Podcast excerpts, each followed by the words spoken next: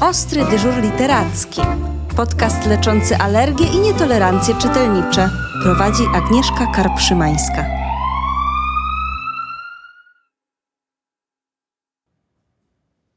Witajcie! W naszej trasie po niezwykłych księgarniach dziś zatrzymujemy się w Krakowie, w Muzeum Sztuki Współczesnej Mocak.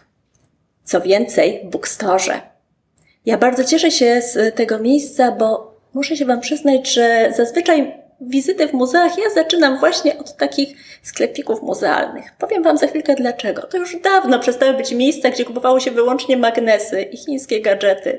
To najczęściej są miejsca niezwykłe, magiczne, które posiadają niezwykłą, unikatową selekcję książek, książek artystycznych, ale też najróżniejszych innych mm, dzieł sztuki małych, także literackich. Jest z nami pani Kamila Kowerska, kierowniczka w Bookstore.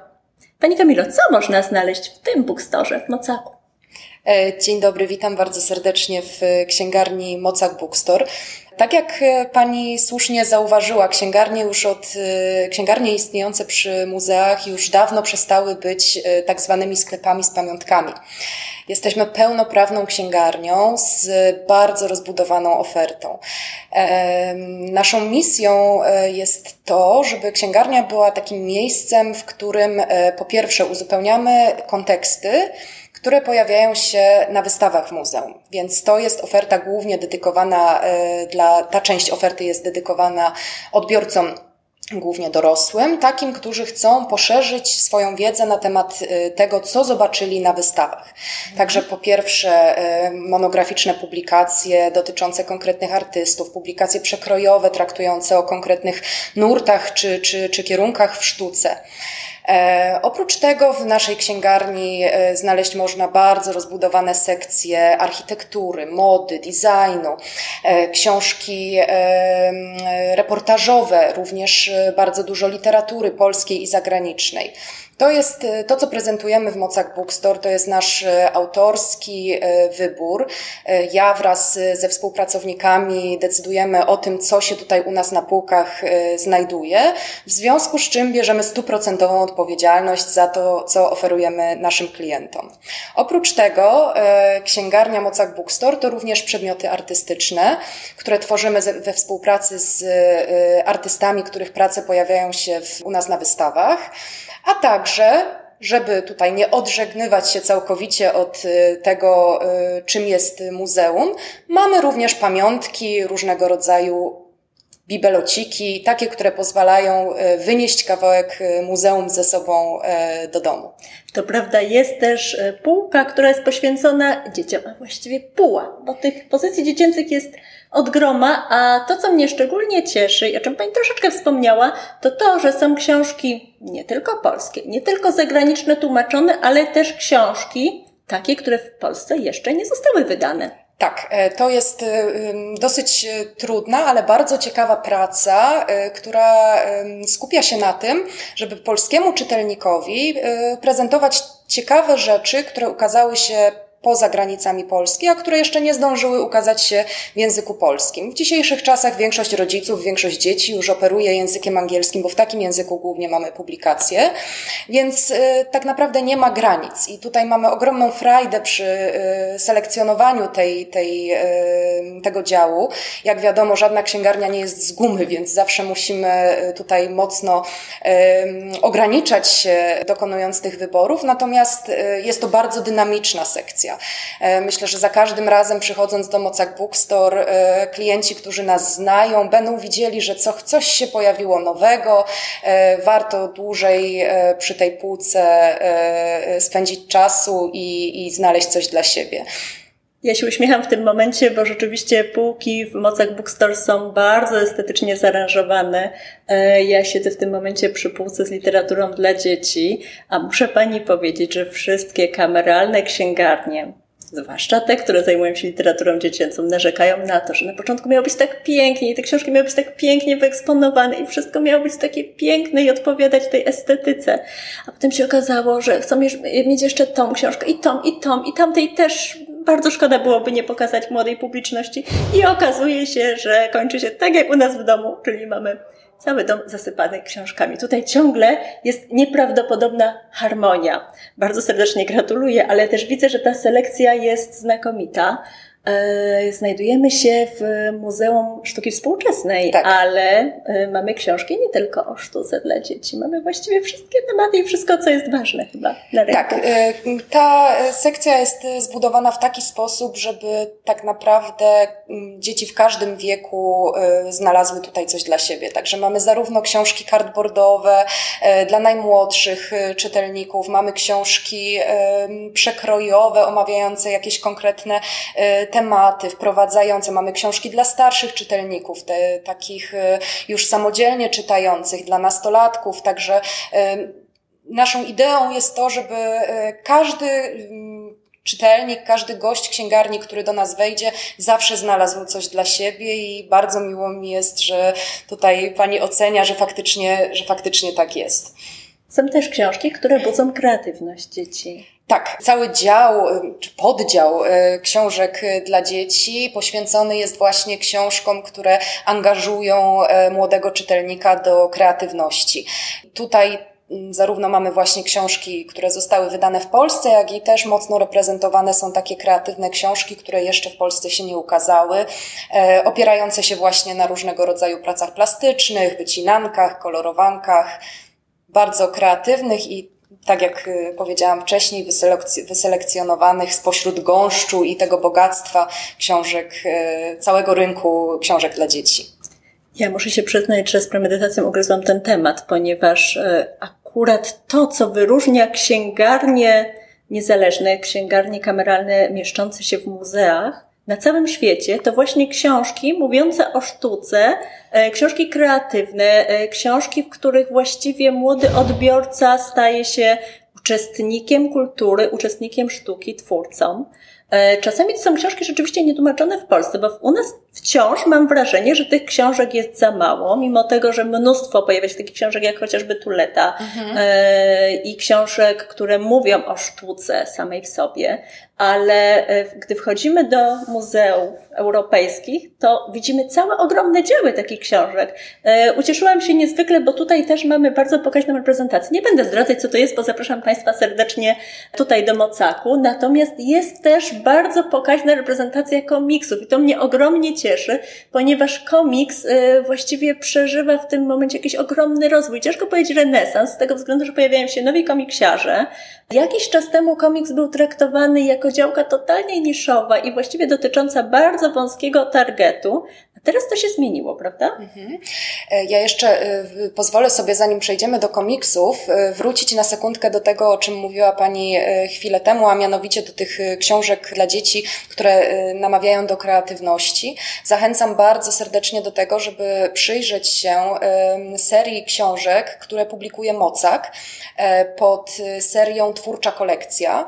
Są to e, zeszytowe książeczki, które e, namawiają czytelników e, do tego, żeby e, wykonywać różne prace inspirowane właśnie książkami z kolekcji Mocaku. Także to jest taka wisienka na torcie, coś, w czym Mocak troszeczkę przeciera szlaki dla innych instytucji związanych ze sztuką. Jak jeszcze można odbiorcę zaangażować do tego, żeby wchodzić w interakcję z dziełem? A jeśli mówimy o komiksach, to tutaj jesteśmy przy moim absolutnym e, prywatnym, ale i też zawodowym e, koniku. Myślę, że tak, z jednej strony e, pojawia się masa nowych twórców komiksowych, ale z drugiej strony komiks jest taką dziedziną, która przez wiele lat była traktowana można powiedzieć po macoszemu. O komiksach na kilkadziesiąt lat po prostu zapomnieliśmy. Ja mogę powiedzieć y, na przykładzie swoim z dzieciństwa, gdzie y, absolutnie y, uwielbiałam jako mała dziewczynka komiksy i z niecierpliwością czekałam na dodatek do Gazety Wyborczej komiksowo, w którym ukazywały się kaczory Donaldy, w którym ukazywały się różne właśnie krótkie formy komiksowe. I potem na jakiś czas te komiksy odeszły troszeczkę w zapomnienie. I w tym momencie tak jak pani słusznie zauważyła, one przeżywają renesans. Z jednej strony są to komiksy klasyczne, które wracają, e, takie, które właśnie my możemy pamiętać ze swojego dzieciństwa, jak na przykład fenomenalna seria Tymek i Mistrz, wydana, reaktywowana przez e, kulturę gniewu i w końcu wydana w formie takiej, na jaką zasługuje, czyli, czyli porządnych, pięknych e, albumów. Ukazały się trzy tomy. Jest to seria przygodowa, totalnie szalona w niektórych momentach, także coś, co myślę, że absolutnie będzie świetną lekturą dla dzieci w okolicach 8, 7 plus powiedzmy. E, górnej granicy nie przewiduje. Tak samo w tym momencie na polskim rynku e, ukazują się piękne albumowe wydania Kaczora Donalda, Wujka Sknerusa, też coś, co pamiętamy e, z dzieciństwa, a w tym momencie jako dorośli czytelnicy z taką lubością możemy kolekcjonować w wydaniach, które, które nie tylko pięknie się prezentują, ale również gdzieś pobudzają te sentymenty. Podobnie jest z Garfieldem czy z fistaszkami. Ale y, oczywiście twórcy komiksowi tworzą również współcześnie, tak? I mamy cały wysyp tak naprawdę w tym momencie y, publikacji, które, które powstają na bieżąco. Co więcej, nie tylko twórcy y, od razu zamykają się w ramach, prawda, tworzenia tylko i wyłącznie dla dzieci. Do tworzenia komiksów dla dzieci odwołują się też twórcy, którzy robią komiksy dla dorosłych. I one, mm, jak na przykład ostatnio y, ukazał się, ukazali się przyjaciele Janka Kozy, którego jak do tej pory utożsamialiśmy tylko z komiksem dla y, dorosłych i to takich powiedzmy dosyć świadomych e, odbiorców. E, jeśli chodzi o współczes współcześnie tworzących e, komiksiarzy, to moim absolutnym ulubieńcem jest Tomasz Samojlik, który, który oprócz tego, że jest fenomenalnym rysownikiem i scenarzystą komiksów, jest biologiem i pracuje w Białowieskim Parku Narodowym, badając różne, różne gatunki zwierząt. I równocześnie z pasji tworzy komiksy opowiadające e, o, o przygodach e, tych zwierząt, nie zapominając o tym, żeby miały one bardzo wysoki walor edukacyjny i po prostu e, stanowią pewnego rodzaju książkę do biologii dla niektórych. Mm, mamy również komiksy dla e, młodszych czytelników, jak e, przepiękne e, płatki wydane przez wydawnictwo Team of Comics, picture booki, książki, które operują przede wszystkim obrazem. Dla mnie w komiksach dla dzieci fenomenalne jest to, że mogą one stanowić pewnego rodzaju przejście pomiędzy książkami stricte obrazkowymi, a tą taką już doroślejszą literaturą. Ja mam nadzieję, że te dzieci, które w dzisiejszych czasach czasach czytają komiksy, będą je czytać już y, także jako osoby dorosłe.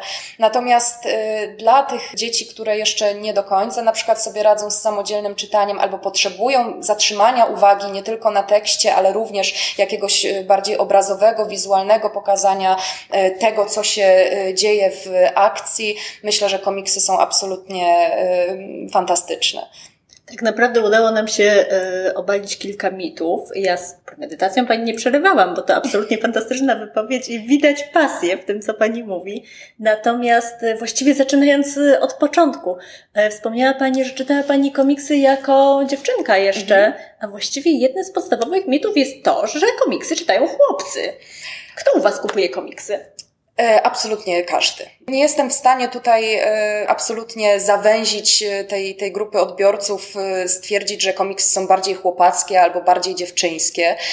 Myślę, że takie, takie porównania to faktycznie gdzieś, czy, czy takie, takie tezy są rodem gdzieś właśnie z, z czasów, kiedy faktycznie te komiksy były bardziej um, może przygodowe, troszeczkę bardziej brutalne, może gdzieś nam się to kojarzy jeszcze z Tytusem, z jakimiś y, pierwszymi y, komiksami Grzegorza Rosińskiego, jak y, nasze pokolenie zaczynało czytać komiksy, to faktycznie była to domena bardziej chłopacka.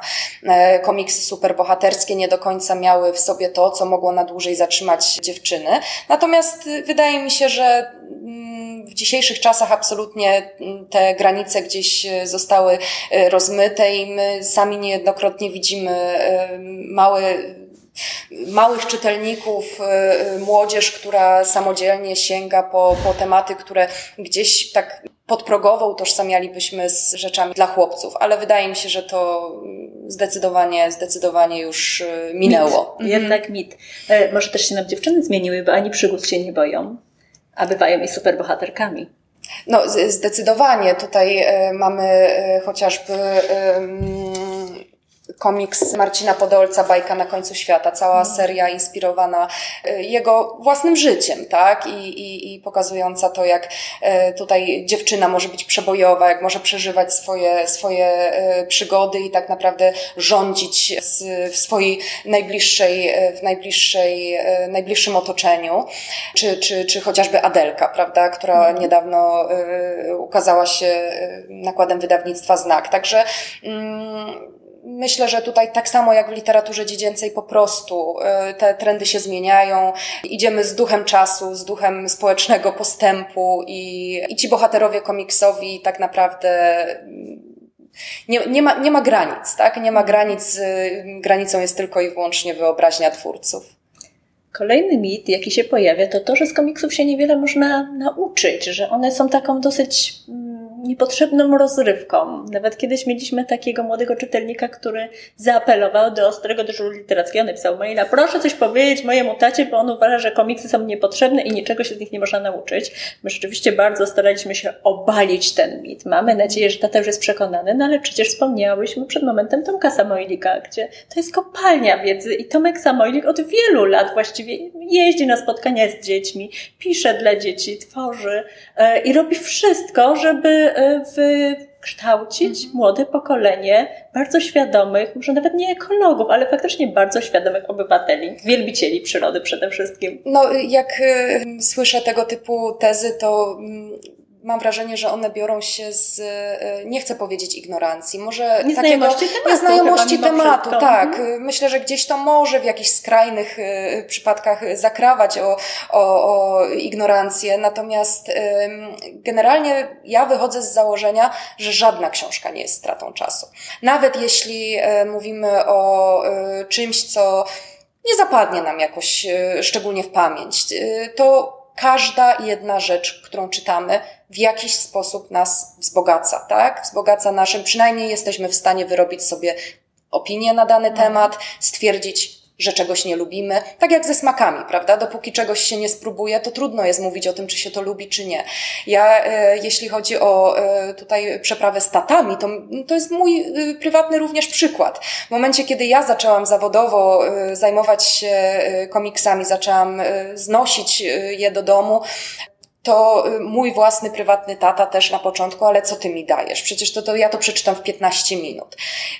Ale byłam uparta, tak? Byłam upierdliwa i uparta i mówię, tato, czytaj, czytaj, czytaj, czytaj. Teraz jesteśmy na etapie takim, że tata sam do mnie dzwoni i mówi, kiedy mi przywieziesz jakieś komiksy? Więc yy, nie można, yy, nie można krytykować i, i yy, zamykać w jakieś, w jakieś ramy czegoś, czego, czego się nie zna. Tak jak powiedziałam, nawet jeśli jakiś komiks czy książka nie jest najmądrzejsza, nie, nie, nie nie przenosi gór i e, e, nie jest, e, tak jak książki Tomka Samojlika, też bogata w jakieś fakty naukowe, to każda rzecz, którą czytamy, będzie nas kształtować, będzie poszerzać nasze horyzonty i uważam, że tak samo jest z komiksami dla dzieci. Dotknęliśmy jeszcze jednego bardzo ważnego tematu. Jeżeli coś się przyda w 15 minut, to może nie warto to kupować. A ja widzę tutaj w tym momencie regulamin na lato Shonatana, który, który właściwie w ogóle nie ma treści. Są takie książki, które. Znaczy inaczej, źle powiedziałam, nie ma e, tekstu. Tekstu, tak. E, są takie książki, które wydaje mi się, że po prostu e, warto mieć, przekonać się do nich i wracać do nich. E, tutaj e, w ogóle myślę, że większość książek e, Shonatana to są takie publikacje, które po prostu są pewnego rodzaju pułkową biżuterią i warto w zimowe wieczory z kubkiem herbaty po prostu napawać się tą estetyką, tak? Wracać do tych historii, odnajdywać po raz kolejny głębie w tym wszystkim. Myślę, że w komiksach, które, czy, czy to dla dzieci, czy ogólnie w komiksach też również dedykowanych dedykowanych dorosłym. Te książki, które nie mają tekstu, tak naprawdę Y, pozwalają czytelnikowi na jeszcze szersze doświadczenia interpretacyjne. Bo y, w momencie, kiedy mamy tekst, mamy historię w pewnym sensie y, nakreśloną bardziej linearnie, mamy komentarz narratora, to w pewnym sensie dostajemy takie rozwiązania na tacy. W momencie, kiedy nie ma tego tekstu, czytelnik jest zmuszony do pewnego rodzaju gimnastyki umysłu. I tak naprawdę wiem z własnego też doświadczenia, że za każdym razem, jak się wraca do takiego komiksu ubogiego w tekst, to odkrywa się w nim coś nowego. I w zależności też od, nie wiem, humoru, jakiegoś okresu w życiu, w którym się doświadczeń, w których się y, je ogląda, to znajduje się coś nowego. Świetnym przykładem tutaj jest komiks, który absolutnie, absolutnie nie jest dla dzieci. Komiks Pantera Brechta Evansa. To jest komiks arcyciężki. Arcyciężki, poruszający tematykę bardzo trudną, natomiast e, zilustrowany w niesamowicie tej e, palecie kolorów. Te e, obrazki są niesamowicie dynamiczne, bardzo pastelowe i e, to jest książka, którą moi znajomi swoim dzieciom pokazywali bez tekstu i dzieci były absolutnie zachwycone. Wydawało im się, były w stanie sobie jakoś nakreślić własną historię, opowiedzieć, co tam się, co tam się dzieje.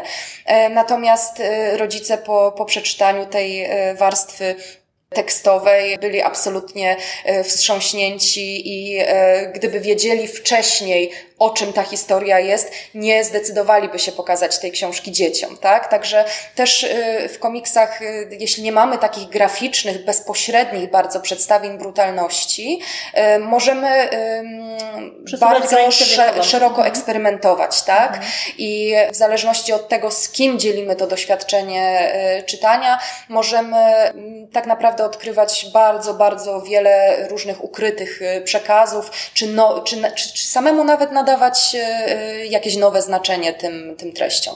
Ja myślę też, że warto się zainteresować tematem komiksu, gdy mamy w domu wielbiciela komiksów, mhm. z tego względu, że dotknęłyśmy jakiś czas temu e, bardzo ważnego wątku. Twórcy komiksów bardzo często tworzą zarówno dla dzieci, mhm. jak i dla dorosłych i dziecko albo ktoś z rodziny, kto wybiera wyłącznie po autorze i być może kupuje kolejne komiksy, może właśnie e, kupić komiks, który kompletnie nie jest przeznaczony dla młodego odbiorcy. Tak, no y, tak jest chociażby z Rafałem Skarżyckim i Tomkiem Leśniakiem, mm. czyli twórcami e, Tymka i Mistrza. To są e, autorzy, których dorosły czytelnik kojarzy przede wszystkim z Jerza Jerzego, totalnie pojechanego komiksu, który wielokrotnie nie ma żadnych granic. Mm. I nagle mamy, czy, czy chociażby z y, pasków w dużym formacie, prawda? Tych tak. komentujących rzeczywistość już tak bardziej na bieżąco. I nagle dostajemy od tego duetu komiks, który jest dla dzieci. Oczywiście czytelnik, który zna Jerza Jerzego, będzie w stanie tutaj odszukać ten taki specyficzny humor, specyficzne podejście do, do, do różnych tematów. I na pewno nie jest to komiks super ugrzeczniony, tak? Tutaj mhm. te przygody też są niejednokrotnie takie dosyć kontrowersyjne. Natomiast y, jest to bardzo dobry przykład właśnie tych twórców, którzy tworzą dla dzieci, a, a tworzą dla dorosłych, a równocześnie gdzieś z potrzeby y, serca postanowili również stworzyć komiks dla, dla dzieci. Czy komiksy byłyby dobrymi prezentami pod choinkę? No oczywiście, każda książka jest dobrym prezentem e, pod choinkę. E, wydaje mi się, że tutaj warto też wychodzić troszeczkę poza to, co nam się wydaje w pierwszym momencie jako idealny prezent dla bliskiej osoby. Warto wykorzystać takie okazje jak święta do obdarowania bliskich takimi rzeczami, które, których oni by sobie na co dzień sami nie kupili. Tak? Znamy niejednokrotnie gusta literackie swoich przyjaciół, rodziny, a w takich sytuacjach warto jest jednak troszeczkę odwrócić to myślenie o prezentach i sięgnąć po coś, co faktycznie pozwoli czytelnikowi obdarowanemu wpłynąć na jakieś nowe terytoria poznawania literatury. Także myślę, że zarówno dla dzieci, jak i, jak i dla dorosłych czytelników komiks jest zawsze bardzo, bardzo dobrym e, pomysłem na prezent, zwłaszcza, że komiksy e, bardzo często poruszają e, tematykę taką, jaka może interesować pierwotnie, czyli możemy mieć komiks dla kogoś, kto kocha przyrodę, właśnie o przyrodzie. Możemy mieć komiks reportażowy, e, opowiadający o jakichś trudniejszych historiach opartych na faktach, właśnie w formie komiksu, czyli dla kogoś, kto jest pasjonatem literatury faktu, możemy mu dostarczyć tą literaturę faktu właśnie w formie graficznej. I myślę, że komiks tak naprawdę już e, można się pokusić o stwierdzenie, że e, ma swoich reprezentantów właśnie we wszystkich tak naprawdę dziedzinach, bo czy to jest y, y, tematyka gier komputerowych, czy bardziej naukowa, czy komiksy biograficzne, czy, czy właśnie, e, tak jak wspomniałam, reportażowe, czy na przykład przenoszenie literatury y, tak zwanej wysokiej na łamy komiksów. Mamy e, chociażby e, Orwella w postaci komiksów, czy opowieści podręcznej, które jeszcze się nie, nie ukazały na rynku polskim. Małego księcia. A dla dzieci mamy właśnie chociażby małego księcia. Także wydaje mi się, że tutaj jest bardzo, bardzo y, szerokie pole do tego, żeby y, przyjść do nas, porozmawiać z nami, spędzić troszeczkę czasu przy, przy naszych y, półkach z komiksami i spróbować dopasować, połączyć te sznurki zainteresowań pierwotnych osoby, którą chcemy obdarować z tym, co w komiksie się ukazuje. Rozumiem. A jeżeli ktoś nie może przyjść, rozumiem, że macie sklep internetowy. Tak, e, nasza oferta sklepu internetowego to jest jeden do jeden to, co mamy tutaj e, na miejscu. No jesteśmy e, niestety teraz w czasach takich, które niejednokrotnie utrudniają odbiorcom przybycie stacjonarnie do księgarni, mimo iż cały czas jesteśmy otwarci i bardzo serdecznie czekamy na, na, na gości i na klientów.